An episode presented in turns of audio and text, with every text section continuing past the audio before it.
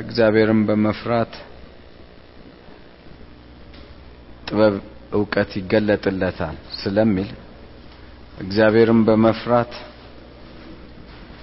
የነገሮች ሁሉ ኪ ከሆነ አሮ ነው ለኔ በጣም ማምነው ነገር መፍራት ያዋጣል ከምንም በላይ ብዬ ነው። መንገድ ከሆነ ማለት ነው ስለዚህ ባለፈው ጊዜ ስናገር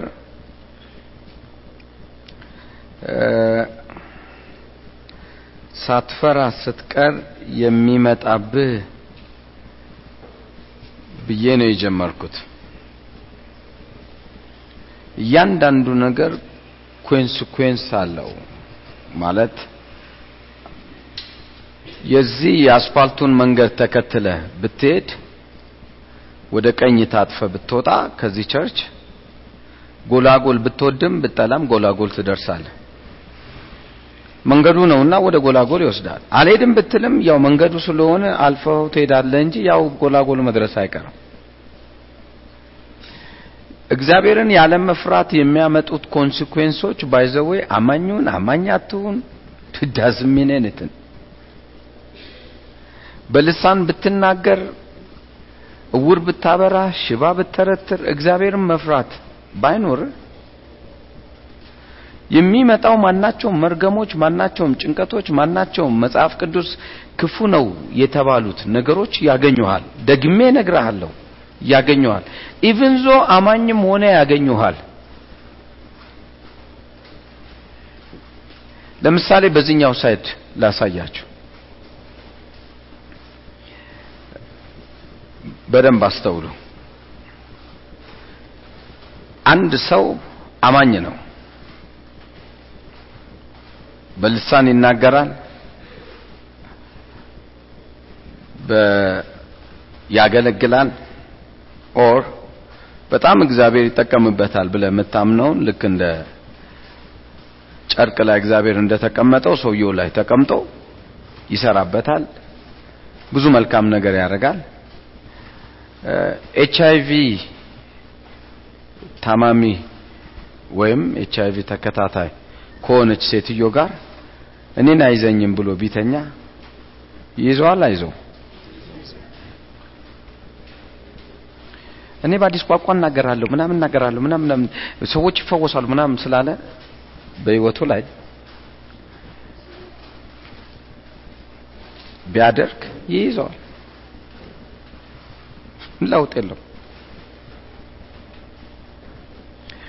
ልክ በመንፈሳዊ ዓለምም እግዚአብሔርን መፍራትን እስካላወቅ ድረስ ቸርች በጣም ታዳሚ ልትሆን ትችላለ በጣም ሳምንቱን ሙሉ ከእግዚአብሔር ጋር ጊዜ ልታጠፋ ትችላለ ሳምንቱን ሙሉ ከእግዚአብሔር ጋር መውጣት መግባት ላንተ ህይወቴ ነው ብለ ልትሄድ ትችላለ የሚያሳዝን ነገር እግዚአብሔርን መፍራት ውስጥ ሳይኖር ይሄንን ከሃይማኖት አንጻር የምታደርግ ሰው ስለሆንክ ውጤቱ እነዛ ካለመፍራት የሚመጣባቸው አይነት ውጤት አንተ ህይወት ላይ ታያለ ለምን አየክ? እግዚአብሔርን ስለማትፈራ ብቻ ነው እንጂ እግዚአብሔርን ስለማታመልከው ወይም ስለማትከተለው አይደለም። እግዚአብሔር አያምንም በዚህ በምናረጋቸው የመንፈሳዊ ትግሎች አያምንም። አያምንም ስለ አያምንም። በጌታ ፊት ነው የምነግራቸው። ስለምታደርገው መሰጠት ስለምታደርገው ነገር አያምንም። ቃል ስለሰበክ አያምንም። እኔና እሱ አንድ ትምህርት ቤት ነበርንና አብረውን የሚማሩ ልጆች ነበሩ። አብረው የሚማሩ ልጆች። ስለዚህ አብረውን የሚማሩ ልጆች የነበሩ ልጆች ውስጥ በጣም ቃል የሚናገሩ በጣም ምናምን ዛሬ ከእግዚአብሔር ጋር የሌሉ በሌላ ዓለም ውስጥ ያሉ ሰዎች አሉ። ምናቃቸው? በዛ ዘመን ግን በመጀመሪያው ሮ ላይ ተቀምጠው እግዚአብሔር ው ብለው የሚያስጮሁ በነበረው በተነሳውም reformation ጉዞ ላይ እኔ እዚህ ሀገር እንኳን ባልኖርም በተነሳው ጉዞ ላይ የመጀመሪያው ረድፍ ላይ ሆነው ሲያደርጉ የነበሩ ልጆች ዛሬ where are they character አቸውን ስንመለከት እዛም እያሉ character አቸው እግዚአብሔርን መፍራት የሚባለው ነገር የላቸውም እንጂ በእውቀት ደረጃ እዚህ ቤት ያላችሁትን ሁሉ ያስከነዱቸዋል። ያላቸው ነገር ያላቸው መታሰቢያም የለንም። እነሱ ያኔ እንደዛ ሲያደርጉ እኛ እንኳን መታሰቢያ የለን፣ ቁጭ ብለን ነው የምናያቸው። where are they የመጣው ነገር ሁሉ አገኛቸው፣ ዛሬ የሉም። እነኚህ ሰዎች ክፉ ስለሆኑ ነው አይደለም። የሃይማኖት ስርዓት ውስጥ ነው ያሉት። የሃይማኖት system ውስጥ ነው ያሉት። በሃይማኖት system አስተማሪ መሆን ትችላለህ። በሃይማኖት system መልካም ሰው ሆነ ለመታየት የምታደርጋቸው ነገሮች ግን ውስጥ እግዚአብሔርን መፍራት ከሌለ ቀን ሲመጣ የሚመጣው ነገር ሁሉ አግኝቶ አጠናግሮክ ከጨዋታ ያስወጣል። ስለዚህ እግዚአብሔር የሚፈልገው የእንትንን ጉዳይ አይደለም። ቤተ ክርስቲያን መምጣትህን ወይም ደግሞ ቤተ ክርስቲያን መኖርህን አይደለም ጉዳዩ። እግዚአብሔር የሚፈልገው ካንተ ጋር ራሱ እግዚአብሔር በአንተ ህይወት ውስጥ በፌሎሺፕ ውስጥ መኖር ራሱን መግለጥን ራሱን ገልጦ ማኖር ነው። ያ የእግዚአብሔር ህልም ነው። ስለዚህ ያንን የእግዚአብሔር ህልም ለመሙላት ነው እግዚአብሔር ካንተ ጋር የሚፈልገው። እሱም በመፍራት ውስጥ ነው የሚገለጠዋል። ስለዚህ ልጆቼ ሆይ ኑ መፍራትን ላስተምራችሁ፣ ኑ ላስተምራችሁ። ከሽንገላ ራቁ፣ ከሽንገላ ራቁ። ውሸትን አትናገሩ፣ ከውሸት ጋር አትተባበሩ፣ መልካምም አድርጉ። እነኚህ ነገሮች ቢከተሉ እነኚህ ነገሮች አሁን ትምህርቱን ስንመጣ የመንፈሳዊ ዓለም ትምህርት እግዚአብሔር ከአንተ ጋር ያለውን በመፍራት ውስጥ ያለ ነገር እንዲገለጥ ነው።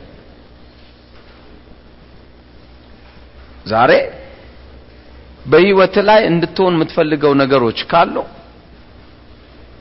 ወይም የምትጸልያቸው ሰዎችን ለይተ ማወቅ የምትፈልግ ከሆነ እግዚአብሔርን ከመፍራት ጋር አብሮ የሚሄድ ነው። ለምሳሌ ማጋር ነው አብረ የምጸልየው? አብረ የምጸልየው ሰው በህይወት ወሳኝ ነው። ከልቤ ነው የምነግርህ። አብረ የምጸልየው ሰው በህይወት ወሳኝ ነው። አብረ የምትሆነው ሰው በህይወት ወሳኝ ነው። እግዚአብሔርን ከመፍራት የሚነሳ የህይወት መስመር ከሌለ ጸሎትም አይሰማም።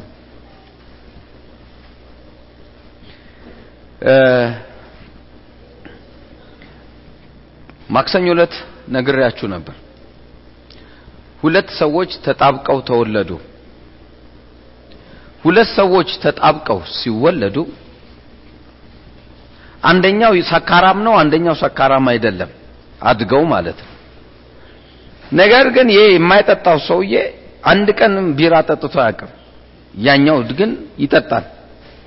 ሲሰክሩ ስንቶቹ ናቸው የሚሰክሩ? ሁለቱም ነው የሚሰክሩት።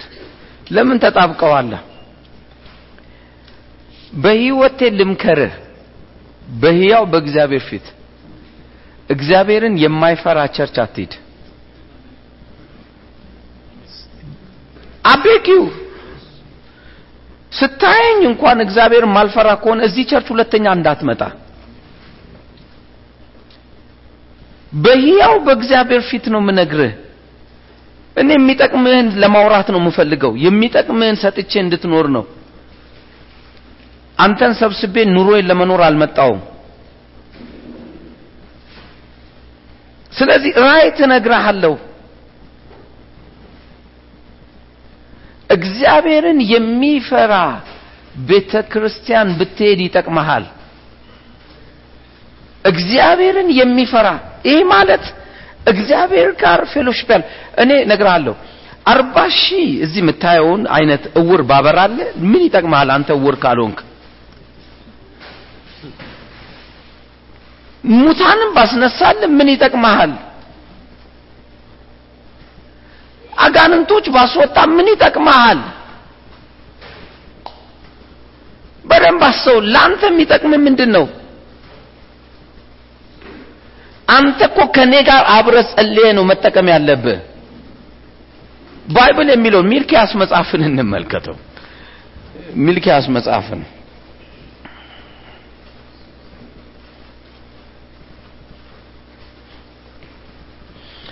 ሚልኪያስ ምዕራፍ 3 ቁጥር 16 በጣም የሚገርም የሚገርም ቃል ላሳያችሁ።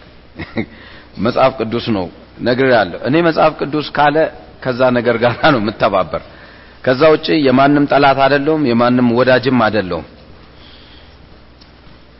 እንዲህ ይላል ሚልኪያስ ምዕራፍ 3 ቁጥር 16 አንተ ሚኪያስ ነው ያወጣው ሚልኪያስ። እንዲህ ነው የሚለው የዚያን ጊዜ እግዚአብሔርን የሚፈሩ እርስ በርሳቸው ምን አረጉ? ተነጋገሩ። በደም ተመልከቱ። የዚያን ጊዜ እግዚአብሔርን የሚፈሩ እርስ በርሳቸው ተነጋገሩ። እግዚአብሔርም ምን አደረገ? አደመጠ። በደም ተመልከቱ። አደመጠ።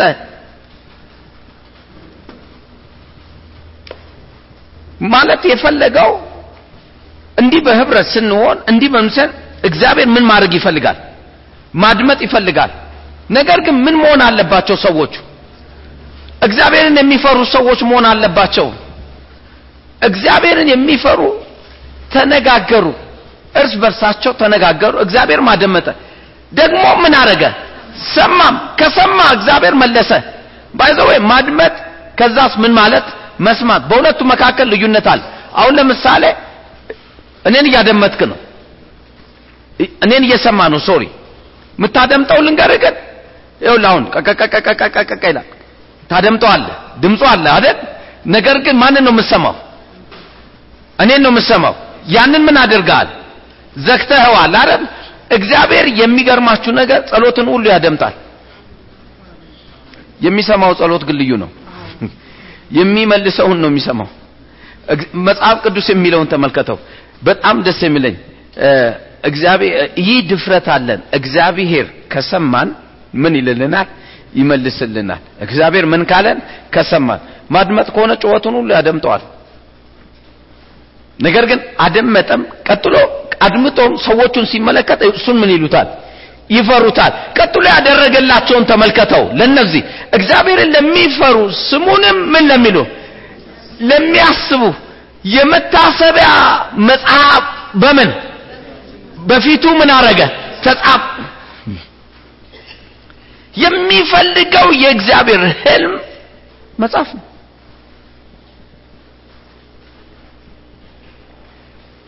የሚፈልገው እግዚአብሔር ህልሙ ለአንተ መታሰቢያ መጽሐፍ መጽሐፍ by the way ለጻድቅ እኮ እግዚአብሔር ትልቅ አጀንዳ ነው ያለው። ትልቅ አጀንዳ እንደምታስበው አይደለም። እዚ big አጀንዳ አለው እግዚአብሔር በዛ አጀንዳ ውስጥ እንዲገቡለት ነው የሚፈልገው። ውጤታማ እንዲሆኑለት ነው የሚፈልገው እግዚአብሔር። በዛ ውስጥ ነው። ለዚህ ነው ቅድም ምናልኩ በአጀንዳ ማለት በዛ አይነት ህብረት ውስጥ ስትሆን ጤንነት ትዝ መጽሐፍ? የመድኃኒት ብዛት አደለ ያለው? የመድኃኒት ብዛት ኢሳያስ 33 ላይ ነው? ኢሳያስ 33 ስንት ላይ ነው? 18 ላይ 33 18 ነው? ምንድን ያልነው? የመድኃኒትም ብዛት።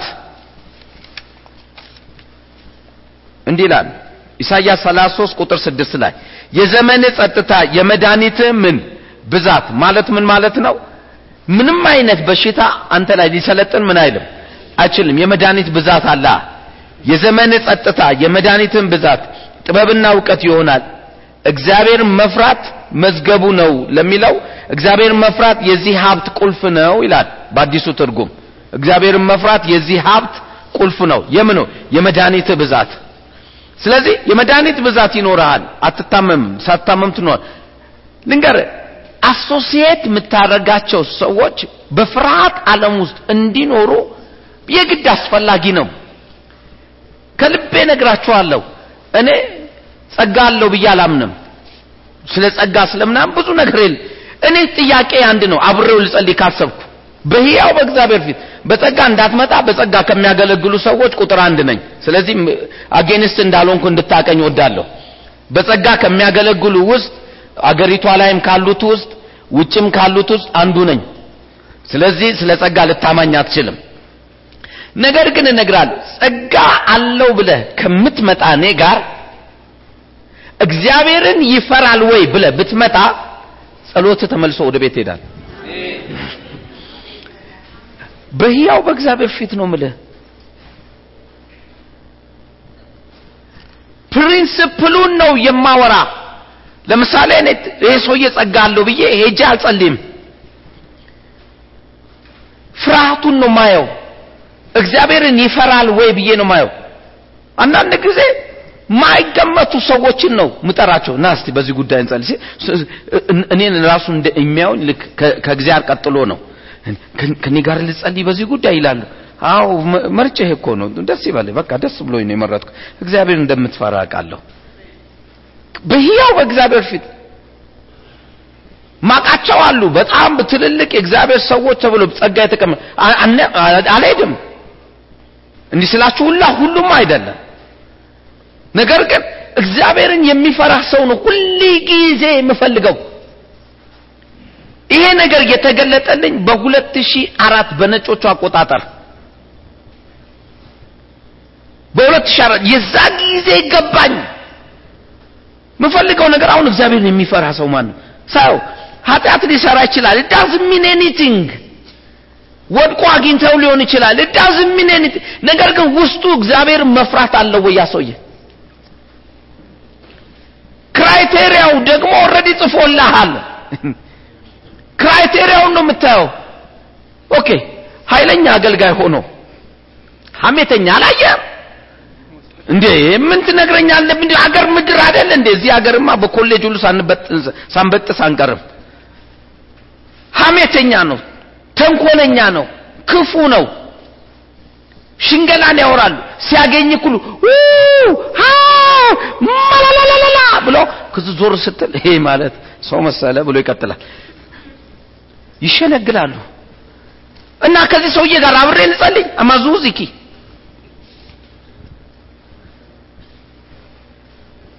ጸጋ ማለት ሌላ እንደሆነ አውቃለሁ። እኔ ግን አሁን ጸሎት ስፈልግ ግን የኔ እይታዬ የጸሎት እይታዬ የሚፈራ ሰው ብዬ ነው ማምነው የሚፈራ ሰው ከሚፈራ ሰው ጋራ ጸሎት ይሰማላል። even እንኳን መታሰቢያ መዝገብ በእግዚአብሔር ፊት እኮ እኔ እኮ በኢየሱስ በዚህ እኮ በምድር ላይ በእግዚአብሔር ፊት በራሱ በእግዚአብሔር ፊት የሚፈሩ ሰዎች ሲጸልዩ በእግዚአብሔር ፊት ነው የሚጻፍላቸው።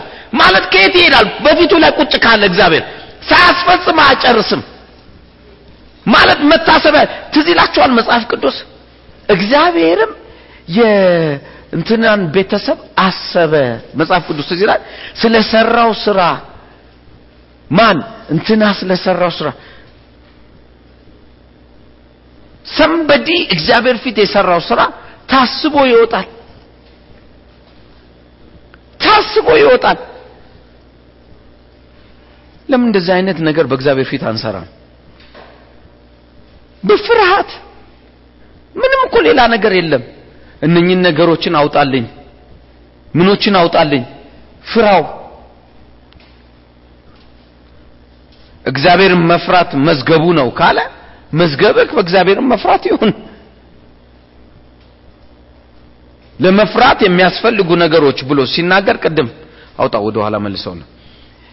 ለመፍራት የሚያስፈልጉ ነገሮችን ብሎ ሲያስቀምጥ እግዚአብሔርን ልጆቼ እግዚአብሔርን መፍራት አስተምራችኋለሁ ብሎ ሲያወራ መዝሙር 25 ላይ ያለው ነገር በደንብ ማየት ነው።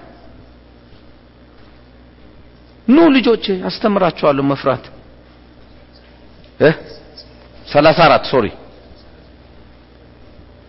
እግዚአብሔርን መፍራት አስተምራቸዋል ልጆቼ ኑ ስሙኝ እግዚአብሔርን መፍራት አስተምራቸው ህይወትን የሚፈቅድ ሰው ማን ነው? በጎንም ዘመን ለማየት የሚወድድ ቀጥሎ እንደ አንደበትህን ከምን ከልክል ከክፉ ከልክል በቃ አለቀ። ልክ ስታየኝ ሳወራለ አስተማሪ ነው ብለህ ብቻ አትቀበል። አንደበቴን ከክፉ ማልከለክል መስሎ ከታየ ከኔ ጋር ባትጸልይ መልካም ይመስለኛል brother። መታሰቢያ የምትፈልግ ከሆነ። I'm telling ነው ማውራ አንደበትን ከክፉ ከልክል ቀጥሎ ያለውን ከንፈሮችን ሽንገላ እንዳይና በቃ ሽንገላ የምታውቀው ሽንገላ ለምን? ይህ ማለት አትሳሳትም አላልኩ። የት እየሄድክ ነው ስትል አይ ከኔ ጋር አብረን እንዳትሄድ ብዬ ወደ ጎላጎል ነህ የለም ወደ መገናኛ ነኝ ልልህ ይችላል።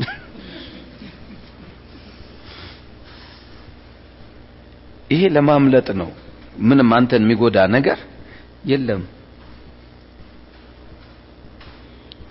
ነገር ግን የህይወት ሽንገላ ሽንገላ ከክፉ ደግሞ ምን በል? ሽሽ መልካምንም አድርግ። ወይ ካፕ አሁን የምታያቸውን ደግሞ ሰላምን ምን በል እሻ የሚፈልግ እግዚአብሔርን የሚፈራ ሰው የዚህ ነው መለኪያው። የመጀመሪያ ቁጥር አንድ መለኪያ ነው። በኋላ አመጣለን ሌላ ጊዜያቶች ከማክሰኞ ጀምር ከሰኞ ጀምረን ደግሞ ሌላኛውን ስለምናየው መለኪያዎች አሉ። እግዚአብሔርን መፍሪያ። በቃ እግዚአብሔርን ይፈራል ስትል አንድ ሰው እነኝን የመጀመሪያ መለኪያዎችን ይህ ጠብን የሚፈልግ ሰው ነው። ጭቅጭቅን የሚፈልግ ሰው ነው። ነገርን የሚያካብድ ሰው ነው አረባክሽ እንዲት ሆነ ወረበለው ምናም ብሎ የሚያጫዋጨው ነው። እሱ ሰውዬ ሰላምን አይሻም። እኔ ነገር ከሰው ጋር ለመጸለይ ስታስብ ሰውየው ማን ነው? እንዲህ ስል ደግሞ ሰውን ሁሉ ደግሞ በአንድ ያጣፋውና ብቻዬን ኤሊየን ሆነ ትቀራታል ግን ስፔሲፋይ ከሰው ጋር ለመጸለይ የምታስብ ከሆነ የሰውየውን ልብ ይው ተከተለው። የሚፈሩ ሰዎቹን። ከዛ ሰው ጋር ጸልይ። ውጤቱን ታያለ ውጤት ታያለ ህያው እግዚአብሔር ምስክሬ ነው። ውጤት ታያለ ያለ ውጤት የሚኖር አምላክ አይደለም። ውጤትን የሚያምን አምላክ ነው። ውጤት ራሱ እግዚአብሔር ራሱ ውጤትን የሚያምን አምላክ ምን ትሆን? ያለ ውጤት አያምንም። ወድሃለሁ ካለ የመውደዱን ልኩን ያሳያል። ሰጣሃለሁ ካለ የመስጠቱን ልኬቱን ያሳያል ምክንያቱም የስፕሪት ዓለም ያለውን የህይወት መስመር ነው የሚያምነው እግዚአብሔር። ስለዚህም ሚልኪያስ ላይ ያለውን በደንብ አስተውል። የዚያን ጊዜ እግዚአብሔርን የሚፈሩ እርስ በርሳቸው ተነጋገሩ። እግዚአብሔር አደመጠም ሰማም። እግዚአብሔር ለሚፈሩ ስሙንም ለሚያስቡ የመታሰቢያ መጽሐፍ በፊቱ ተጻፈ። በፊቱ። ይነው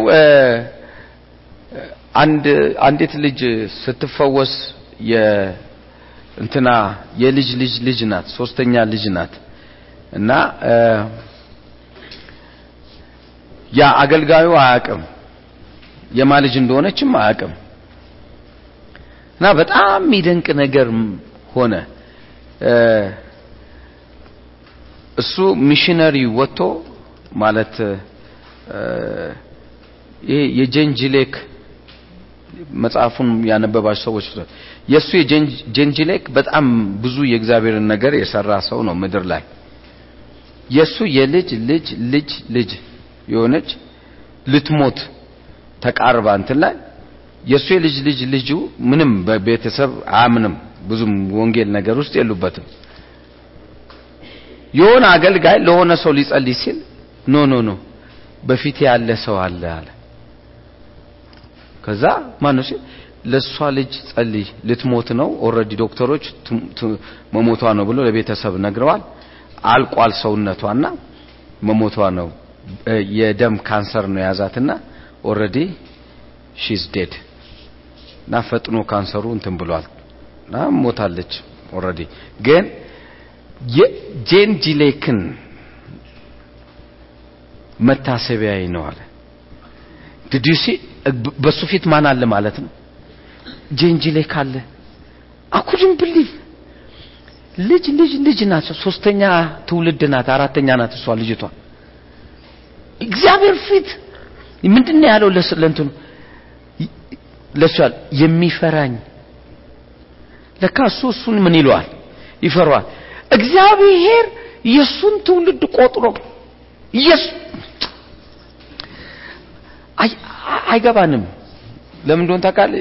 ዘርዘር ከራሳችን በስተቀር ያላለፍን ሶሳይቲዎች ነን። ብንጸልይ ለራስ ነው ቢበዛ ለልጅ ነው። ከዛ ልጅ ልጅ ሲባል እሱ እግዚአብሔር ምን ይበለው? ገብቷቸዋል የንትነ እግዚአብሔር ግን ይታያችሁ ሶስት ትውልዱን አልፎ አራተኛው ትውልድ የልጅ የሱን ልጅ በፊት ያለ John G. Lake ፍርሃቱ አለ እና ምን አትሞችም በልን ሂድ ተናገር። አትሞችም ካለ በኋላ John G. Lake ግን ምንድን ነው ሲል አረ የሱ እኮ የዘርዘሩ ነን። did you see እግዚአብሔር መፍራት ላንተ ብቻ እኮ አይደል? even ሰዎቹ እኮ በእግዚአብሔር ቤት ውስጥ የሉም። በእግዚአብሔር ቤት ውስጥ የሉም። ግን እግዚአብሔር ፊቱን ተመልከተው። የልጅ ልጅ ልጅ መጽሐፍ ቅዱስ እንኳን እስከ ሰባት ትውልድ ይሌለ እስከ ሰባት ትውልድ ዘር ይባረካል። እስከ ሰባት ትውልድ እግዚአብሔር ፊት ላይ መታሰቢያ ለምን አናስቀምጥም? ይሄ ሁሉ የሚሆነው በሚፈራው ሰው ላይ በሚፈራው አንተ አምነክ አልፈክ እንኳን ዘርዘር ቢሆን ይህ ነው ለእንትና ያለው ትዝ ይላችኋል መጽሐፍ ቅዱስ ለ ለ ይስሐቅ። አብርሃም አባትህ አይደል ያለው ቃሌንና ትእዛዜን ምን ብሏል? ፈጽሟልና መባረክን ምን እልሃለሁ? እባርካል። ለማ ሲል ነው የሚባርከው? ለአብርሃም። ቃሌን ትእዛዜን ስርዓቴን ጠብቋልና። ምዕራፍ 24 ዘፍጥረት። ቃሌን ስርዓቴን ትእዛዜን ጠብቋልና። አየ ይስሐቅ ምን አላለ ማለት ነው? አልጠበቀም። ሳይጠብቅ ግን በማን ተባረከ በአብርሃም ምክንያት እስቲ ምን አለ? ከራሳችን እንኳን አልፈን እስቲ ዘር ይሂድ። ከልቤ እኮ ነው ዘር ይሂድ። ዘር ይሂድ። ትውልድ እንኳን ነፃ ይውጣ። እንዴ በጣም የሚደንቃችሁ ነገር ይሄ የሴጦ ዓለም ጨሌ ጨሌ ከየት እንደመጣ ከቅንቅን አያትሽ የመጣ ጨሌ ነው። ጥለውብኝ ነው ብሎ እንኳን ያወራ የለ። ቤቴ ነው ብሎ ያስበል እንዴ? ሶስት ትውልድን የምንመለከተው አይደል የቅርብ ጊዜ ትዝታችን አይደል እንዴ? በየቤቱ ያለ ጉድ አይደል እንዴ አውሊያውን ስላላደረጉ ነው ብሎ አይደል? ከየት እንደመጣ አምስት ስድስት ትውልድ ብሎ ዘሩን ሁሉ ስማቸውን ይናገር። አንተ እንኳን አታቅም ያባትን የቅንቅን ቅንቅን አያትም። ሴጦ ግን ቆጥሮ ይነግራል። የኔ ነው የኔ ናቸው ብሎ አስበው አይደል? አንተ ምን አለ በእግዚአብሔር ፊት ይህን መዝገብ ብታስቀምጥ? መዝገቡ ደግሞ ከየት ይመጣል አትበል? በመፍራት ውስጥ ብቻ እስቲ ፍራውና ዘርዘር ይጻፍ በፊቱ። just ፍራ! መፍራት የምትችል ሰው ነህ! እንዴት ብትለኝ? በህይወት የምትወደው ሰው ይኖራል። የምትወደው ሰው ስትሆን ትፈራዋለህ። ለምን የምትፈራው? እሱ እንዳያየኝ ብለህ እንኳን ትፈራለህ። በፍቅር እንጂ በጉልበቱ ወይ ደግሞ በሆነ ነገሩ አይደል። የተገዛህለት ፍቅር ነው። እግዚአብሔር የፈለገውም ለሴንቲንግ ነው በመፍራቱ ውስጥ በፍቅር መንቀሳቀስ ወደ ሌላኛው መዝገብ እንሂድ። ዕብራውያን አምስት። ዕብራውያን ምዕራፍ አምስት ቁጥር ሰባትና ስምንት። ዛሬ ስለ ጸሎት በጣም ይዤ ነው። ምክንያቱም ከመፍራት ጋር የተያያዘ ስለሆነ ስለ ጸሎት ነው የሚፈሩ ሰዎች ጋር አብሮ መጸለይ እንዴት ጥቅም እንዳለው አስር ሺህ ህዝብ ሆነ ኡኡ ከምትል ሁለት ሰው ሆነ የሚፈራ ሰው ብትናገር የተሻለ ነው። እንደኔ እምነት ነው። ድጋሚ እነግራለሁ። እንደኔ እምነት ነው። የጸሎት አይነት ብዙ ስለሆነም እግዚአብሔር በዛ አይሰራም አላልኩም። እግዚአብሔር ይሰራል። ግን በእግዚአብሔር ፊት ላይ serious ሆነ በራስህ ህይወት ላይ የምትወስን ከሆነ ብዙ ስትግል ሳታይ ነገሮች succeed እንዲያደርጉ የምትፈልግ ከሆነ በጣም ቀላል የሆነ መንገድ ልንገርህ። በመፍራት የሆነ ህይወት ተመልከቱ የሚለውን ቁጥር ሰባትና ስምንት እርሱም በስጋው ወራት ከሞት ሊያድን ወደሚችል ከብርቱ ጩኸትና ከእንባ ጋር ጸሎትንና ምንን ምልጃን ምን አረገ አቀረበ። ተመልከቱ፣ ስለ ኢየሱስ ነው የሚያወራው። ጸሎትን ምልጃን አቀረበ። እግዚአብሔርም ስለምኑ ምን አረገለት? አደመጠ አላልኩም። ምን አለለት? ጸሎቱ ለምንድን ነው የተሰማው? okay የማለደው ነገር ጸሎት እሺ ራሱ ይጸልይ ለራሱም ይጸልይ ምልጃ ግን ለማን ለሌላ ሰው ለሌላ ሰው ማልዶ ምን ሆነለት ተሰማለት። ምን ስለመሆኑ? እግዚአብሔር ምን ስለማለቱ? ስለመፍራቱ። ይነው ለምን ይመስልሃል? አንተ እመን ቤተሰብህ ይድናል አለ። ይዋሻል? አይዋሽም። እግዚአብሔር ምን አይልም? አይዋሽም። okay። ቤተሰብ ይድናል ብሎ ካስቀመጠ በኋላ እግዚአብሔር ነገር ግን አሁን ምልጃ አረክ ስለ ልጄ ስለ ወንድሜ ስለ እህቴ ስለ አክስቴ ስለ ምናምኔ እያልክ ማለድክ ማልደ እያለ ግን ይኸው አምስት ዓመት አስር ዓመት አስራ አምስት ዓመት ወይ ሀያ ዓመት ወይ ሰላሳ ዓመት ጸሎቱ አልተመለሰም። ቆም ብለህ ስትመለከት ምንድን ነው ኬዙ? ልቡ ጠጥሯል ኖ ልቡ ጠጥሯል እንዳትል የእግዚአብሔር የእግዚአብሔር ቃል ምን ይላል? አንተ እመን ቤተሰብ ምን ይላል ይድናል። እንግዲህ ጉልበቱ እግዚአብሔር ምን ብሏል? አንተ እመን ቤተሰብ አምኛለሁ ብለሃል። ለምን ታዲያ ጸሎት አልተሰማም? ለምን ታዲያ ጸሎት አልተሰማም? አሁን ይኸውልህ እግዚአብሔር ጋር ስህተት ኖሮ አያቅም እንዴ ብዬ እንደማስረ እግዚአብሔር ጋር ስህተት ኖሮ አያቅም እግዚአብሔርም ተሳስቶ አያቅም ምክንያቱም የማይሳሳተው እግዚአብሔር ይሄ ፑልፒት ከለሩ ቀይ ነው በል ነጭ ነው ቢል ሁላችን አይናችን እያየ ምን ይሆናል? ነጭ ይሆናል። በቃ አለቀ። ሊዋሽ የማይችልበት ምክንያቱ ነገሩ መቀየር ስለሚችል ብቻ ነው። አሁንም እግዚአብሔር ጸሎት ተሰማ ካለ ምን አለ? ተሰማ ነው።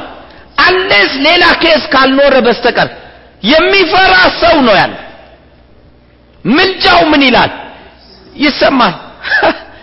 እዚህ ሀገር ረጉድ ነው እኔ ማቃቸው እንኳን ግሩፖች አሉ። በየ በየሁለት ወሩ 21 21 ቀን የሚጾሙና የሚጸልዩ ጾም ጸሎት አድርገው ውሃ ብቻ የሚጠጡ 21 ቀን ውሃ ብቻ የሚጠጡ አውቃቸዋለሁ። ከዚህ ሀገር ከመሄዴ በፊት ነበሩ አሁንም አሉ። ቁጥራቸው ሁሉ እንደዛው ነው። በእግዚአብሔር ፊት ነው የምነግራቸው ቁጥራቸው ራሱ ብነግር ያስደነግጣል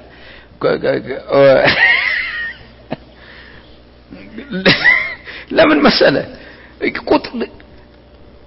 እምነታቸው ሁሉ በጣም ጥሩ ነው ነው የምትለው። ግን ቀረብ ብለ ስታያቸው ሁሉ ጊዜ ሌሎቹን ሲያጣጥሉ ነው ሌሎቹን ሲረግሙ ነው ምታይ ሌሎቹን ምናምን ሲያደርጉ በቃ ሁሉ ጊዜ አሁን እንኳን አግኝቻቸው አሁን አሁን አግኝቻቸው ሰውራቸው አሁንም እና ጤና የላችሁም እናንተ ሰዎች። እንዴ አትባንኑ ታው በእኛ ጊዜ ይላሉ። እድሜያቸው እኮ መርሿል። ከልብ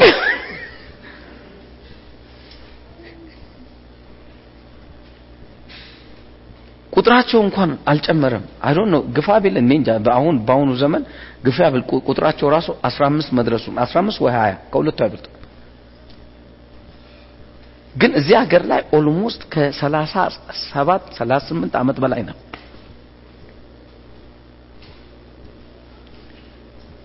still ይጾማሉ በሁለት ወር አንዴ 21 ቀን ይጾማሉ still እንትን ያደርጋሉ ግን በቃ ምንድን ነው ችግሩ? እግዚአብሔር ያሳያቸው። እነኚህ ሰዎች ይጾማሉ፣ ይጸልያሉ፣ እንትን ናቸው። በቃ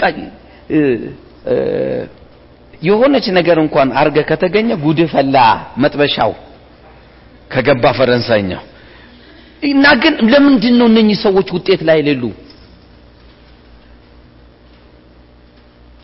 በድርጊት ደረጃ ከሆነ they're number ጽድቅን በመፈለግ ከሆነ they're number ግን መፍራት የሚባለው ህይወት የለም። የራሳቸውን ጽድቅ ሊያሳዩን እንጂ የእግዚአብሔር የሆነው ጽድቅ ለመታየት የለም።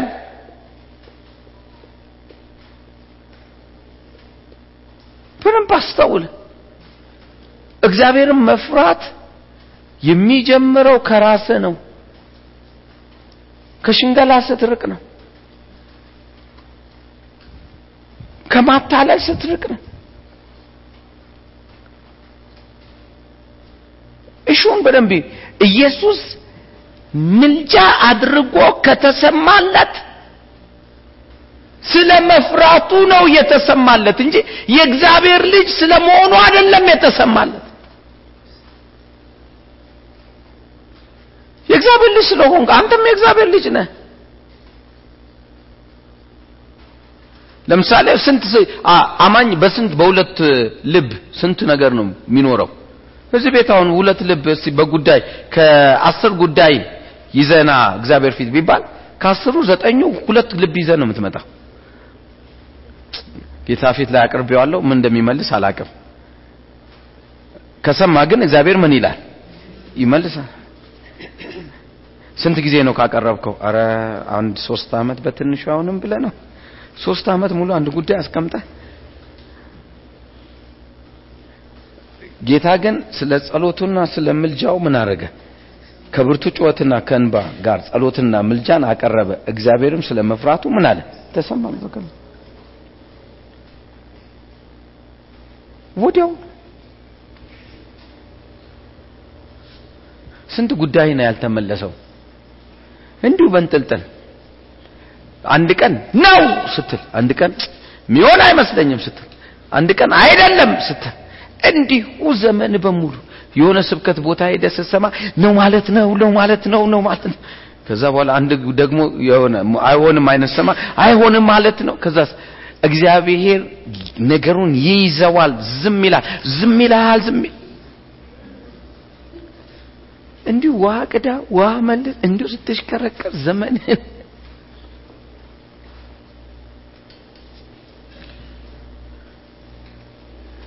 ምክንያቱም አንድ ሰባኪ መጥቶ እግዚአብሔር ዝም ይላል ዝምታም አለው ሲል ልክ ነው። የኔ ጉዳይ ልክ ነው።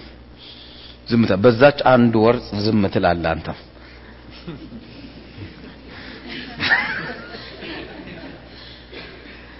ደግሞ አንደኛው ሰባኪ ይመጣና ጩኸትን ሰማ ሲል እውነትም ዝም ካለ አሁን ደግሞ ጩኸትን ምን አደረገ?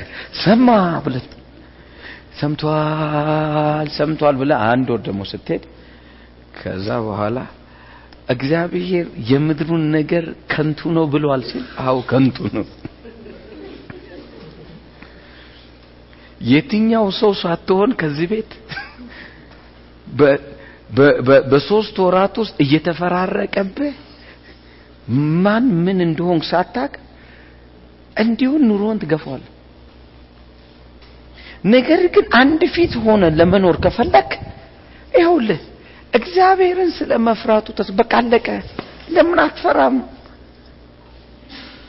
እኔ ልንገርህ ዝም ብለህ ብትፈራ ምትበላው ራሱ ይዘጋጅልሃል። አሜን።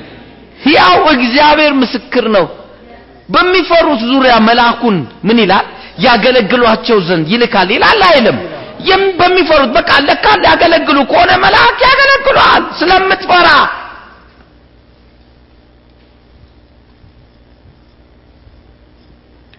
ብዙ ታግለ ብዙ ጮኸ ብዙ ሳክሪፋይ አድርገ ከምትሟሟት ለምን አትፈራው እሱ ሲምፕል። በመፍራት አንተ ውስጥ ያለ ነገር እንደሚወጣ አምናለሁ ኢየሱስ እኮ ትልቁን ስራ የሰራው ስለሚፈራ ነው።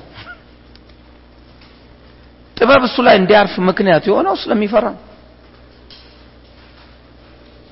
በቃ የጥበብ መጀመሪያ እግዚአብሔርን መፍራት ነው። በቃ አለቀ። የእውቀቱን በሩ እግዚአብሔርን መፍራት ነው።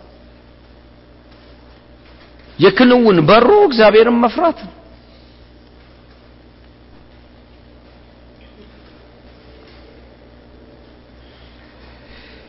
እንዲህ አለ። አንደኛ ሳሙኤል ምዕራፍ 12 ቁጥር 24 ላይ አንደኛ ሳሙኤል ምዕራፍ 12 ቁጥር 24 ብቻ እግዚአብሔርን ፍሩ። did you see አንድ ነው ያስቀረበው። የሰራው ተአምር የሰራው ድንቅ የሰራው ምናምን የሆነው ነገር ሁሉ እንዳለ ሆኖ የዚህ ሁሉ ውጤት ማለት ታምራቶች ብታይ ድንቃ ድንቆችን ብታይ በህይወት የማይሆነው ነገር እንኳን ሆኖልህ ብታይ ምን ለማድረግ ነው ውጤቱ? እግዚአብሔርን እንድትፈራው። ስለዚህ ብቻ እግዚአብሔርን ምን በሉ ያደረግኩላችሁንም ታላቅ ነገር ምን ብላችኋል? አይቷችኋልና በፍጹም ልባችሁ በእውነት ምን በሉት? አምልኩት። ከምን የሚነሳ አምልኮ ነው? እግዚአብሔርን ከመፍራት የሚነሳ አምልኮ። እግዚአብሔርን ሳትፈራው ታመልካለህ? ኧረ በደንብ ብራዘር። እዚህ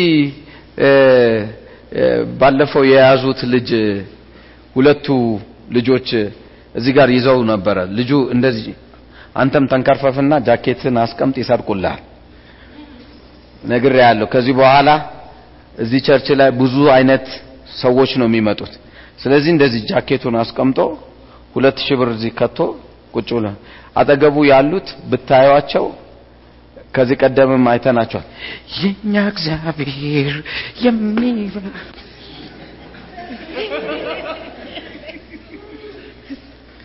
ከዛ ልጁ ጃኬቱ ሞቆት እዚህ ቤት ዳቦ ቤት ነው እንደምታውቀው። ከዛ አስቀምጥ እንደዚህ ነበር። አውልቆ ቁጭ ሲል ብሩ አላፋረኩት ከዛ የኛ እግዚአብሔር ሾፍ የሰው ኪስ ውስጥ ነው እንዴ? ከዛም አይተዋለካ ልጆቹ ገቡ ወደ ሽንት ቤት። ገብተው ካሲያቸው ምናቸው ውስጥ እዚህ ውስጥ ከተው መጥተው እዚህ የሚቀጥለውም ጋር ኃይል አለው የኢየሱስ ደግሞ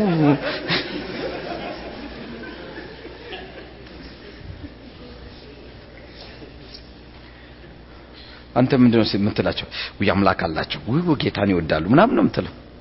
እነኚህ ልጆች አንደኛው ልጅ ከልጅነቱ ጀምሮ ጌታን የሚያውቅ ነው፣ ጌታ ቤት ያደገ ነው። ብለው ወደ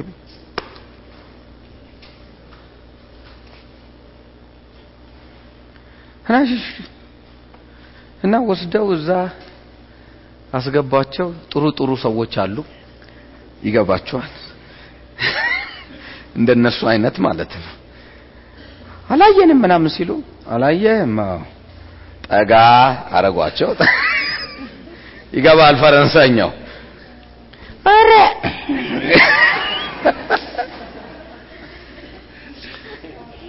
እና ልጆቹ ሲያወሩ ብትሰሙ ምን እንዳል ይሄ የጌታ ቤት አይደል እንዴ? በጌታ ቤት ውስጥ እንደዚህ ነገር አለ እንዴ? ኧረ በጌታ በኢየሱስ እኛ እኮ መንፈስ ቅዱስ ያለብን ነው። ኧረ ጠንቧ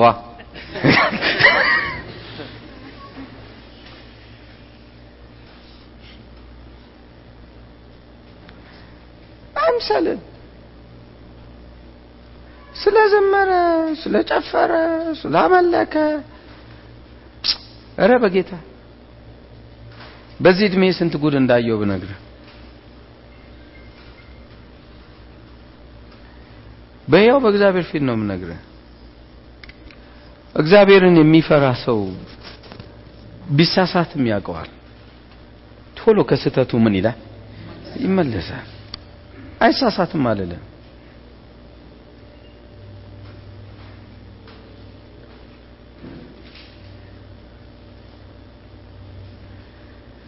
በህይወት እነግርሃለሁ። እግዚአብሔር ማናቸውም በጎ ነገር ቢያደርግ ብታይ እንድትፈራው። መፍራትህ ደግሞ ከሽንገላ እንድትመለስ። ወንድምህን ከማማት እንድትመለስ።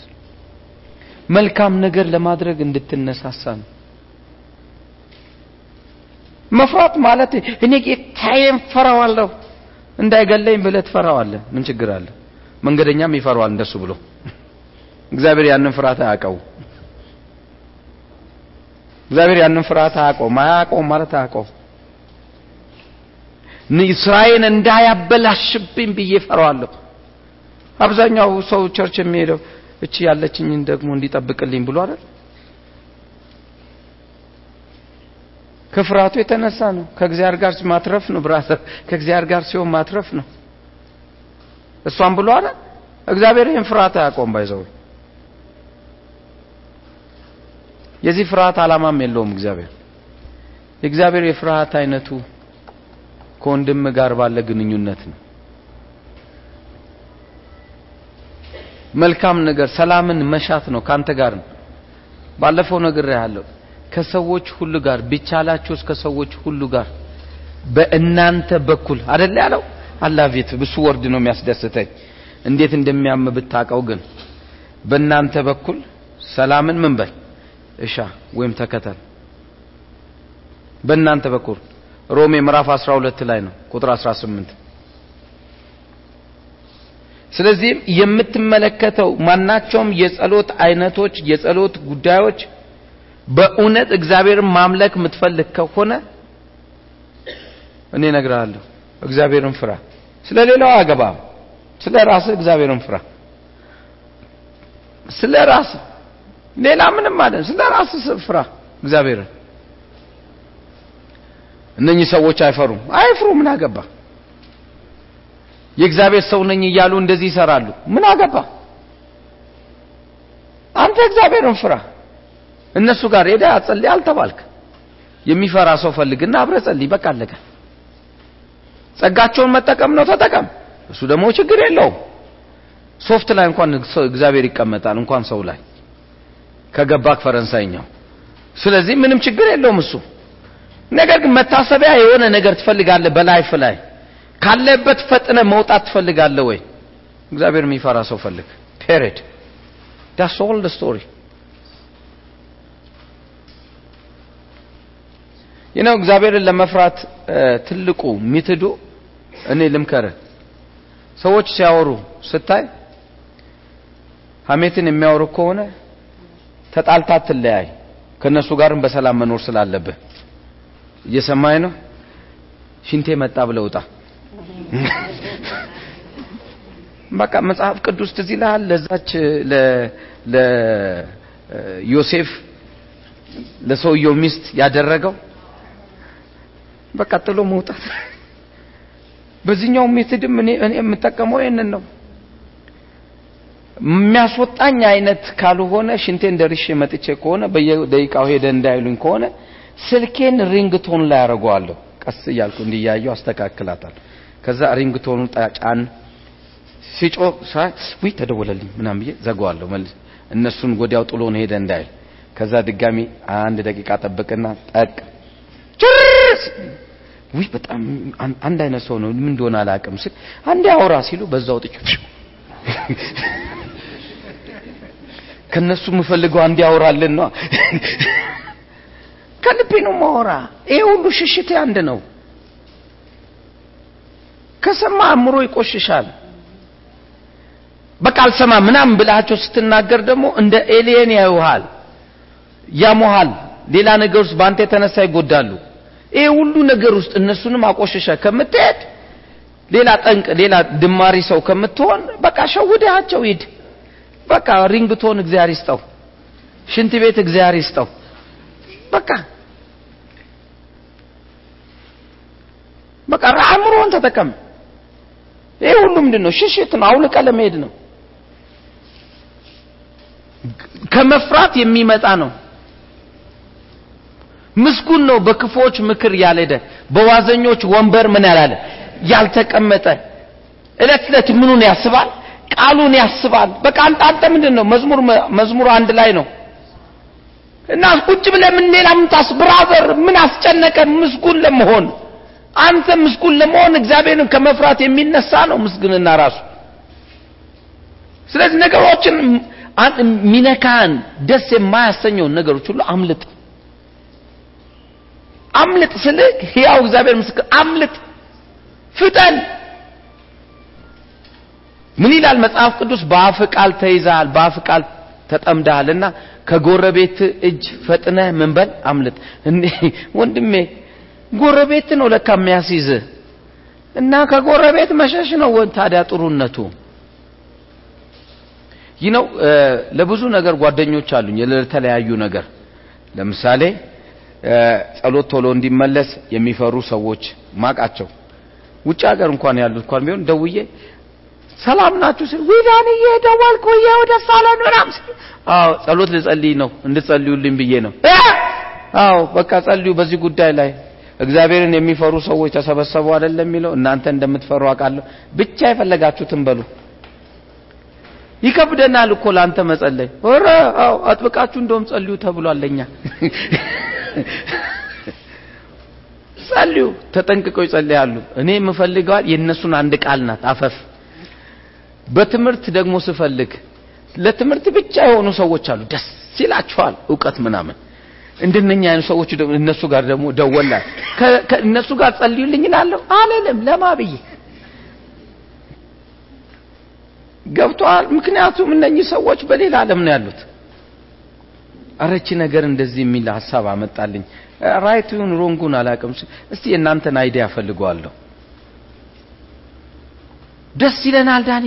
እንዲህ እኮ ነው እንዲህ ነው እንዲህ ነው እንዲህ ነው። በቃ የቃላቶቹን አስተካክተውልኝ ትክክል ያመጡልኛል። ሰይ እግዚአብሔር ይስጣል አመሰግናል።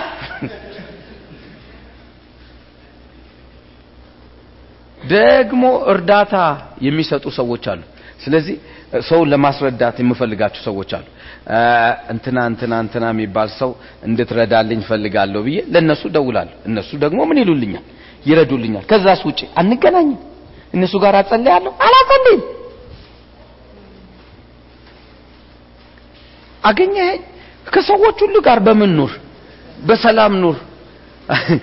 እንደውም በቀደም አንደኛው እዚህ ተገናኝተን ቁጭ ብለን ስለ አዲሱ ስለተነሳው movement አንስቶ በቃ ይረሸርሻቸዋል እኔ ተነሳው ሽንት ቤት ሄድኩ። ቆይቼ መጣው ይቀየራል ብዬ አልተቀየረም subject ኡ። ተነሳው መጣው ብዬ ወጣው አልተቀየረም subject ኡ።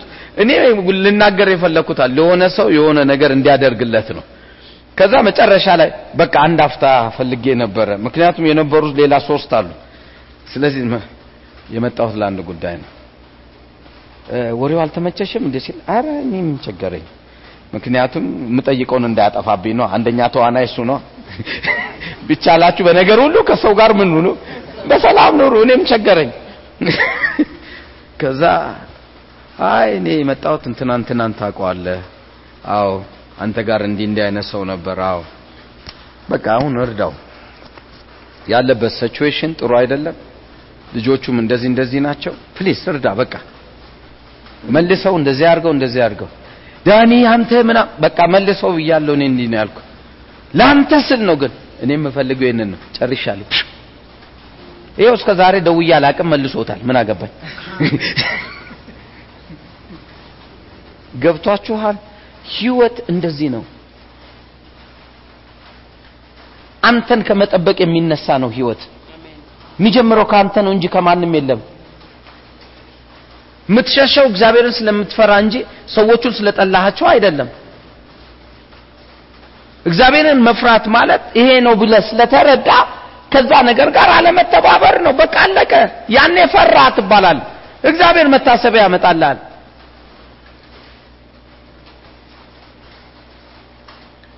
ደግሞ ምህረት የምትፈልግ ከሆነ ቸርነት የምትፈልግ ከሆነ እኔ እኮ ባይዘው አንዳንድ ሰዎች even በጌታ ቤት ውስጥ ኖረው እኛ ቤት ጉዳችንማ ብዙ ነው እኛ ቤት ጉዳችን ብዙ ነው። ንስሐም ገብተዋል። ምን ጉዳችን ብዙ ነው። አላልቃለ ይከታተለናል፣ ይከታተለናል። ጥፋት ጥፋት ምን እንደሆን ታውቃለህ? እናንተ ቤት ምን የለም፣ ፍርሃት የለም። ፍርሃት ቢኖር የሚሆነው በምህረቱን በቸርነቱ ተገልጦ ታገኘዋለህ። እየሰማኝ ነው? ምኑን ምህረቱን በምን ተገልጦ በቸርነት ማለት ከዛ ከሰራችሁ ጥፋት የተመለሰ ሌላ በረከት ምን ብሎ አግኝተ ላጠፋው ነገር ክፍያ ሳይሆን የምህረቱ ብዛት ይታያል። በቸርነት በቸርነት ይታያል። እስቲ ተመልከተው መጽሐፍ ቅዱስ መዝሙር 103 ቁጥር 17 እና 18 መዝሙር 103 ቁጥር 17 እና 18 የእግዚአብሔር ምሕረት ግን ከዘላለም እስከ ዘላለም በሚፈሩት ላይ ነው። ተመልከት፣ የእግዚአብሔር ምሕረት ቁጥር 17 እና 18 የእግዚአብሔር ምሕረት ግን ከዘላለም እስከ ዘላለም በሚፈሩት ላይ ጽድቁም እ በልጅ ልጆች ላይ ነው። የሚፈራ ሰው ጽድቁ ወዴት ይሄዳል ማለት? ወደ ልጅ ልጅ። ደግሜ እነግርሃለሁ የሚፈራ ቤተሰብ ለልጅ ልጁ ይሄዳል። ነግሬሃለሁ አሜሪካን ሀገርም አውሮፓ ሀገርም አይቻለሁ። እዚህ ሀገር ላይ ቤተሰቦቻቸው የቤተ ክርስቲያን ሽማግሌ ፓስተሮች የሆኑ አገልጋይ የሆኑ ቤተሰብ ሆነው ሳሉ ልጆቻቸው ግን የአራዊት አራዊት ሆነው እዛ ይኖራሉ። ይሄ ማለት almost ዘጠና ስምንት በመቶ ለምን ግን እዚህ ሀገር ላይ ግን ፈርተው የምእመን ልጆች ሆነው ፈርተው ዛሬ የጌታን ነገር ልባቸው የሚቃጠል ግን እዛው ምድር ላይ አሉ። በ same situation ውስጥ የነበሩ ለምን ሆኑ? difference ኡ እግዚአብሔር የአገልጋይን ቤተሰብ ስለሚጠላ ነው እንዴ? እንደውም ያለው ለልጅ ልጅ ነው። ለምን ሆነ? አገለገልክ ማለት ትፈራለህ ማለት አይደለም። ወይም እግዚአብሔር ካንተ ጋር ነው ማለት አይደለም። አንደበትህን አስተሳሰብ መልካምን ምን አድርግ፣ መልካምን ተከተል፣ ሰላምንም እሻ። ከሌለ እንዴት ሆነ ነው የምትሄደው? የልጅ ልጆች እንኳን በእግዚአብሔር ቤት ውስጥ አይገኙም። የልጅ ልጆች ጽድቁ ለልጅ ልጅ ነው ካለ እግዚአብሔር ተመልከተው። አንድ በጣም የተማረ ነው። ስሙን ብናገር ስለምታውቁ ስላልሞተ አልነገር፣ ሲሞት እነግራቸዋል። በአዋሳ ላይ ትልቅ የዛሬ 25 26 ዓመት በፊት የነበረ ትልቅ ነው። በትምህርቱም ኢትዮጵያ አሏት ከሚባሉ አንደኛው አንደኛው ሰው ነው። ኢትዮጵያ አሏት በቃ አሁን እንኳን አሉ ከተባለ አንዱ ነው። የሱ ልጅ ከአውሬ የባሰ አውሬዎች ናቸው እና አንድ ጊዜ የእሱ ልጅን አገኘሁትና እንዳልነበረ ሆኖ ስለሆነ ያገኘሁት። ስማ ምን ሆነሃል? ስለው ምን ሆናለሁ አለ። እንደዚህ አይነት ህይወት ውስጥ you don't deserve it እኮ። ከዛ ስለ አባትህ እንኳን ሲል እግዚአብሔር እኮ ስል የአባቴ ጦስ እንደዚህ እንደሚያደርገኝ አታውቅም እንዲህ አለ።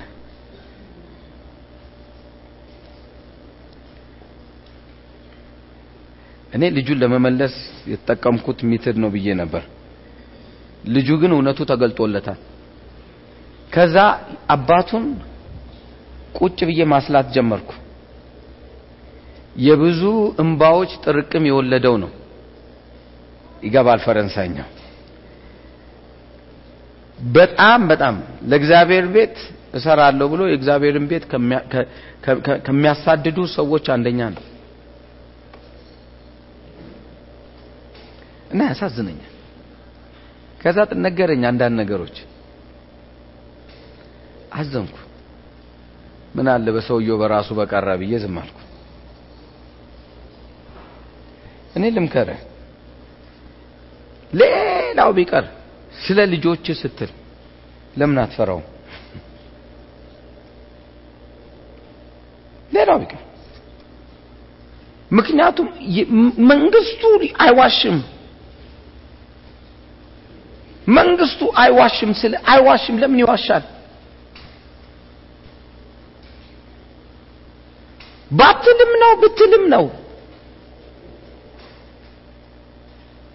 ማምለክህ አልቀረ፣ መምጣትህ አልቀረ፣ መካፈልህ አልቀረ፣ ኦሊኖል ማድረግህ አልቀረ እና ለምን ታዲያ መፍራት ለምን እምቢ? ባታማ ምን ታጣለህ? እስቲ ንገረኝ።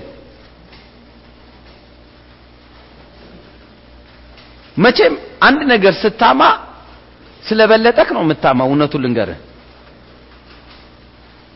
ካልበለጠ አታማም። መንገድ ላይ ያለ ለማኝ ሰውዬ ታማለ እንዴ?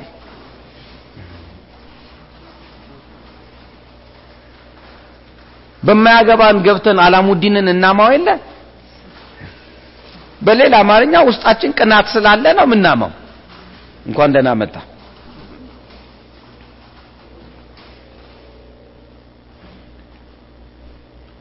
የበለጡን ሰዎች ነው የምናማው። ከውስጣችን የተነሳ ማንነት ስላለ ነው የምናማው። ለምንድን ነው የምንሸነግለው? የሆነ ውስጣችን ያለ ፍላጎት ስላለ ነው፣ ሌላ አይደለም። ያንን ፍላጎት ፉልፊል ለማድረግ ለመሙላት ብለን ነው የምንሸነግለው የምንዋሸው።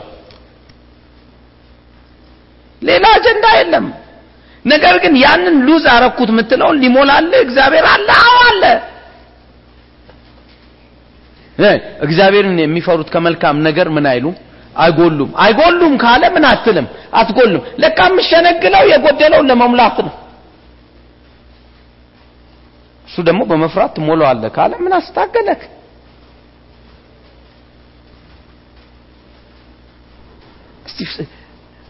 ፊታችሁን አንድ አፍታ ወደ እግዚአብሔር አዙሩና ከልቤ ልንገራችሁ የተሰቀለውን ክርስቶስ ተመልከቱ።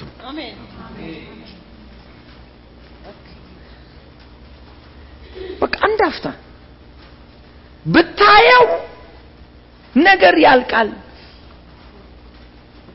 ሕያው እግዚአብሔር ምስክር ነገር ያልቃል። ብዙ ዘመን ተጉዘ የምታገኘውን በመፍራት ውስጥ ስድስት ወር ባልሞላ ጊዜ ውስጥ ታገኘዋል። ምክንያቱም ከመልካም ነገር ምን አይሉም አይጎሉም። በቃ አለቀ። ብዙ እኮ እምነት አላቸው ወይ እምነታቸው ይሰራል ወይ ምን አላለም። ሰው መማር ካለበት የመጀመሪያ ትምህርት መፍራት መፍራት ነው።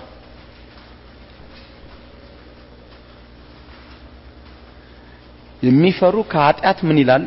እግዚአብሔርን መፍራት ከኃጢአት ምን ይላል? ያሸሻል። ስትፈራው ኃጢአት ራሱ ምን ይላል ማለት ይሸሻል። ምን አስጨነቀ?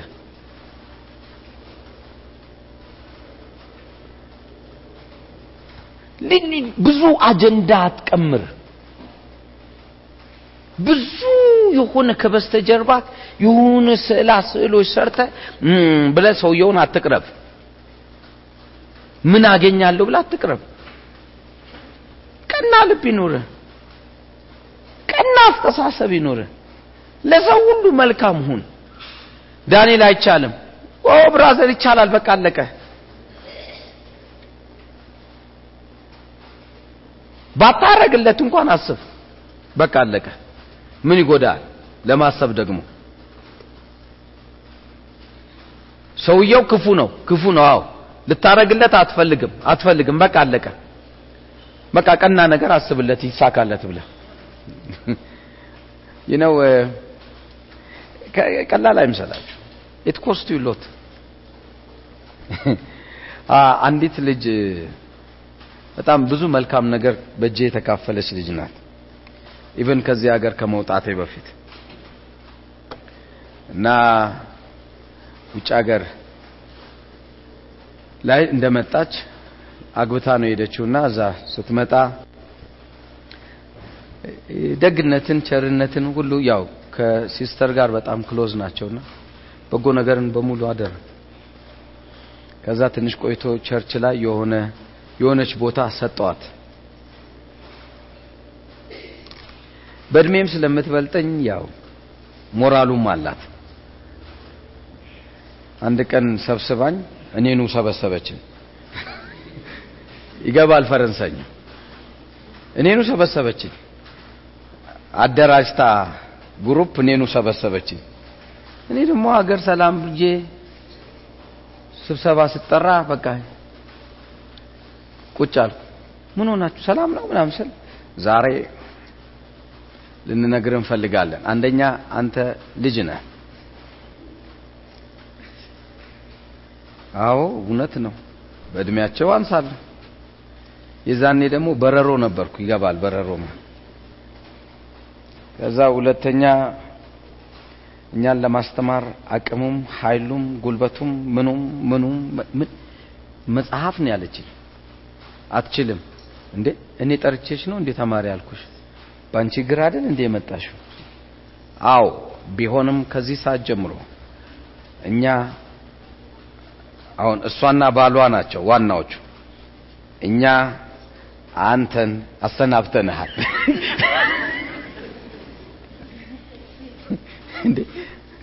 ማን ቤት መጥቶ ነው ማን የሚያሰናብት? ገርሞኝ ጤነኛ ናችሁ ግን አልኩ። ምክንያቱም ከዛ በፊት አንዱ መጥቶ ደግሞ ቲያትር ሰርቶኝ ሄዷልና፣ ስለዚህ እቺ ሁለተኛው ሁለተኛው ትምሮ ትንሽ አደግ ብላለች። ስለዚህ እንዴ እውነታችሁን ነው እላለሁ አላምን ብዬ ከዛ እዛ የተሰበሰቡት አዎ እኛ አስበን ስናስበው ጺም ያላወጣ ልጅ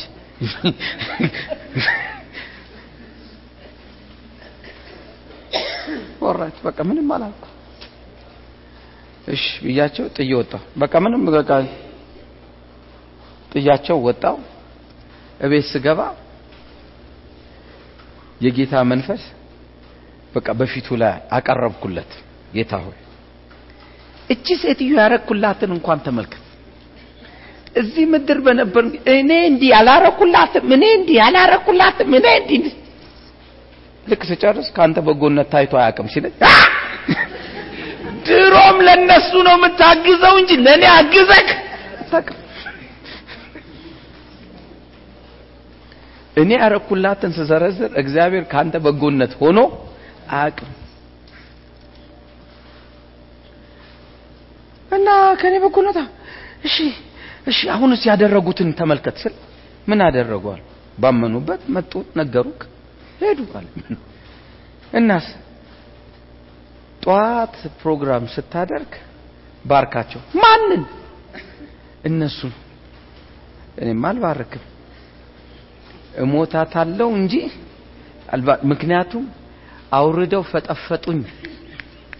እኔ እኮ ፓስተር ነኝ ብዬ ቤታዊ ስሜቴን ያነቃቃው ሰው ባለ ራእይ ነኝ ብዬ ራሴን ሰቅዬ ሰማይ ላይ ያለው ሰው ነኝ። አልገባም ፈረንሳይኛው። እንዴት ብዬ ልውረድ? እንዴት ብዬ ምድር ሊያዝ? አየር ላይ ነኝ ያለሁት። በዛኔ ደግሞ በቃ ሆይ እንዲስ በቃ አንዳንድ ነገሮች በጣም ብዙ ሚስጥራቶች የሆኑ ነገሮች ዝም ብለው ነበር የሚፈሱት።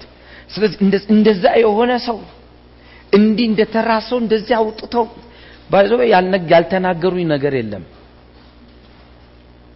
ስለዚህ በቃ አሁን final ጠዋት ላይ ትባርካቸዋለህ። እዛ የት church የሚመጡት ሰዎች ጋር እነሱን በእነሱ ፊት ባርካቸው ብለህ እኔ በደለኛ ነኝ በል። እኔ ለምን ስል ሲናገሩ ምንድን ነው ያልካቸው? ትዝ ሲለኝ የምትረቢ አዳሜ ውሻ ነበርሽ ብያለሁ። አይ የለም ጋኔ እንትን ነው መልአክ ነው። የራስ ችግር።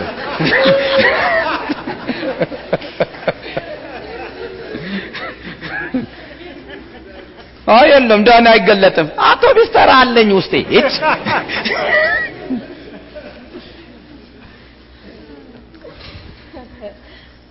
እግዚአብሔር ጥቅስ ሁሉ ሲያወጣ ያወጣው ከተናገሩት የእነሱን አንድ አላወራም። አዳሜ ውሻ ነበርሽ ያልኩትን ምን አልኩ? አወጣው አውጥቶ ቆመ ንስሐ። ንስሐ በእነሱ ፊት ትገባል በህዝቡ ፊት። ከዛስ ለነሱ ትደውልና ውሻ ውሻ ብለ ተናግር ያለሁ ውሻ ነበርሽ ብለ ይቅርታ ተንበርክክ ያለው ብለ በህዝቡ ፊት ላይ ንስሐ ገባ። ወረፋላ እነሱ የተናገሩትስ ምናምን? ጌታ የመለሰኝ እንገራችሁ ስለ እነሱ አልሰማውም ነው ለካ የሚሰማው ማንን ነው?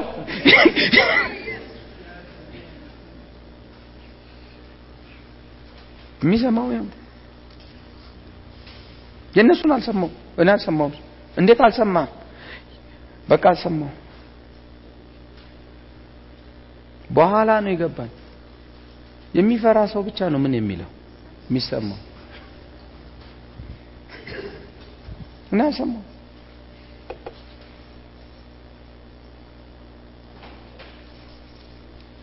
አንድ ሳምንት አሳለፍኩ ተናንቆኝ። ሁለት ሳምንት አሳለፍኩ ስመለከተው ሰው ይመጣል ምናምን ሲያወሩ ሁሉ አጅቤ እንዳላወራ ደስ አይለኝም። እንዲህ ናቸው ምናምን እንዳልን በቃ እንትን ነው። already እግዚአብሔር ከነሱ ጋር እንደቆመ ገብቶኛል። ስለዚህ በተቻለኝ አቅም ነገሩን ማለዘብ ነው። እነሱ ደግሞ እችኛዋንም ይዘዋታል አዳሜ ውሻ ነበርሽ ብሎ final። ከሁለት ሳምንት በኋላ ቆሜ አልኳታ።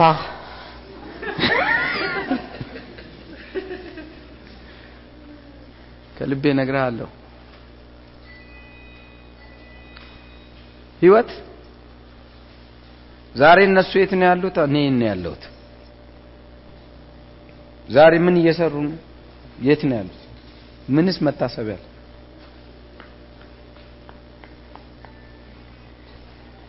ለጥቂት ጊዜ መዋረድና መውረድ የዓለም መጨረሻ አይደለም። የዓለም መጨረሻ። that's why ምንም ስለማልፈራክ ማወራክ አትጨምርልኝም አትቀንስልኝም። ስህተቴንም ግጥም አድርጌ ነው ምነግርህ ውርደቴንም እነግርሃለሁ። ማንኛውንም ነገር አወራሃለሁ። ለምን መሰለ በመፍራት ውስጥ እኔ ልኑር እንጂ ከመልካም ነገር አልጎልም።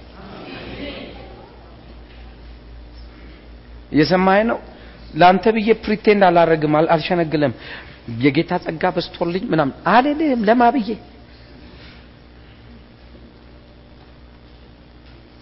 እውነትን ለመነጋገር መጽሐፍ ቅዱስ ይላችኋል እርስ በርሳችሁ እውነትን ምን በሉ? ተነጋገሩ። እሱ simple የመንፈሳዊው ዓለም ውስጥ ግባ። እሱ provide ያደርግሃል ማለት እሱ ያግዝሃል። የአቅርቦትን ያደርግልሃል። ወደሚቀጥለው ያሻግራል። ከእሱ ጋር መጽሐፍ ቅዱስ ፈጥነም ከእሱ ጋር ተስማማ በዛም በጎነቱን ታያለ በቃ መስማማት የሚያስፈልግ ከራሱ ጋር ብቻ ነው። አንድ ወንድም ያለውን እንመልከት። በጣም ያጨሳል። ያጨሳል ስለ በቃ ምድጃ ነው እና ቸርች ይመጣል። ቸርች እንኳን ቁጭ ብሎ አስር ጊዜ ካለ በኋላ እንተያያለን ሳይ ይለኛል። አውጣለዋለሁ ለብልቦ ነው የሚመጣ። ከልቤ ልንገራችሁ እግዚአብሔርን ግን ይፈራል። ከልቤ ነው እግዚአብሔርን ይፈራል እኔ እንኳን ከእሱ ጋር ጸልያለሁ ና እስቲ ና ና እንጸልይ ይላል። ይሄ ማለት more than five years I know እግዚአብሔር እንደሚፈራ ለምሳሌ ሌሊት ስምንት ሰዓት ላይ ሽንትን የሚወጥር ከሆነ መሽናት ሁለት ዓመት ከሸናክ ስምንት ስምንት ሰዓት ላይ የሚሆነውን ታውቃለህ። ሁሌ ሰውየው ውሃ ጠጣም አልጠጣም ስምንት ሰዓት ላይ ሽንቱ ይወጥሯል። ይሄ ሰውዬ ብዙ ከልጅነቱ ጀምሮ ሲጃራ እያጨሰ ነው የመጣው። ጌታን አገኘ። ጌታን አግኝቶ ከጌታ ጋር ያለው ነው ይትራይ ማለት ይሞክራል ይሞክራል ይሞክራል በቃ የማይሞክረው ነገር ግን አቅም አጣ። እኛም ራሳችን ጸልየናል። ጫማችን ውስጥ ሁሉ በቃ እንትን ማለት እንዲህ ነው የሚገማው ብለን ይገባል። ፈረንሳይኛው ለማስረዳት ብዬ ኳስ የሚጫወቱበት ልጆች ጫማ አምጥቼ ይኸውልህ አንተ ስታወራ እንዲህ ነው የምትሸተው፣ እኔ አሸተኝም ይለኛል። ኦኬ ብዬ ጫማ አምጥቼ እንካ አሸተው ይህን አሸትቼው እንዱ ቢገባው ብዬ? እንዲህ ነው የሚገማው አፍህ። እንዲያስጠላ ማላረኩ ነገር ግን ልጅ አቆመ አላቆመ? ግን እግዚአብሔር ይፈራል? ይፈራል። የሚፈራ ሰው ነው። ግን በእነኚህ እስራቶች ውስጥ ያለ ነው ግን ቀጠለ? አልቀጠለም። ምህረት ያገኘዋል። መቼ ስትለኝ አንድ ቀን በጣም ጠዋት ተነሳ የሆነ ነገር ሰውነት የተለወጠ እንዴት በቃ ተለወጠ። ዳሜት እንዴ አትጠይቀኝ እኔ ተለወጠ። በቃ አላቅም ትሌለ ይሄም አላቅም አለ። በቃ ግን ዩሲ እግዚአብሔርን ዝም ብለህ ፍራ። እግዚአብሔርን ፍራው። በቃ መፍራት ጀምር ከሽንገላ ስትርቅ እየፈራ ነው። ከአሜት ስትርቅ እየፈራ ነው። ለሰዎች መልካም ነገር ስታደርግ እየፈራ ነው። ሰላምን ስትሻ እየፈራ ነው። መፍራቱ የሚያመጣው ነው። ምህረት ይመጣላል። በቃ ሰሞይ ለምህረት በም ዳስ እንዴት? አሮ ነው። የዚህ የህይወት መስመር ከገባ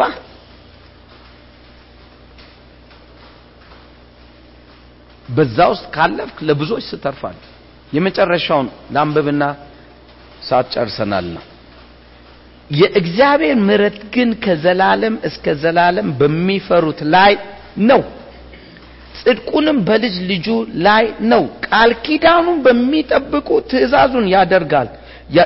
ያደርጋት ዘንድ በሚያስቡት ላይ ነው። ይህ ሁሉ ከፍርሃት የሚመጣ ዛሬ ቤት ስትሄድ ጀምር።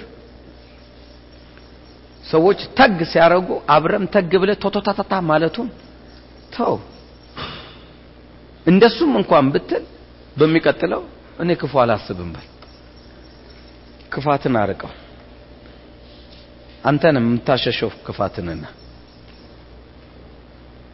በሌላ አማርኛ ይሄን ድራማ ነግሬክ እንለያይ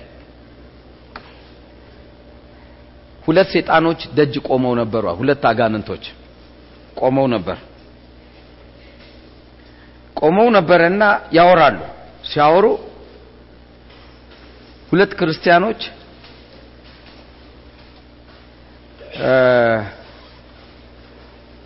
ሲነጋገሩ እንዲህ ብሎ ይነግሯል። አንደኛው እኔ ጌታን ብዬ ነው እንጂ ድራሹን ነበር ማጠፋው ምናምን ሲል አንደኛው ሴጣን ምን አለ በቃ እንሂድ ጠርቶናል ሲል ሂድ ወራዳ።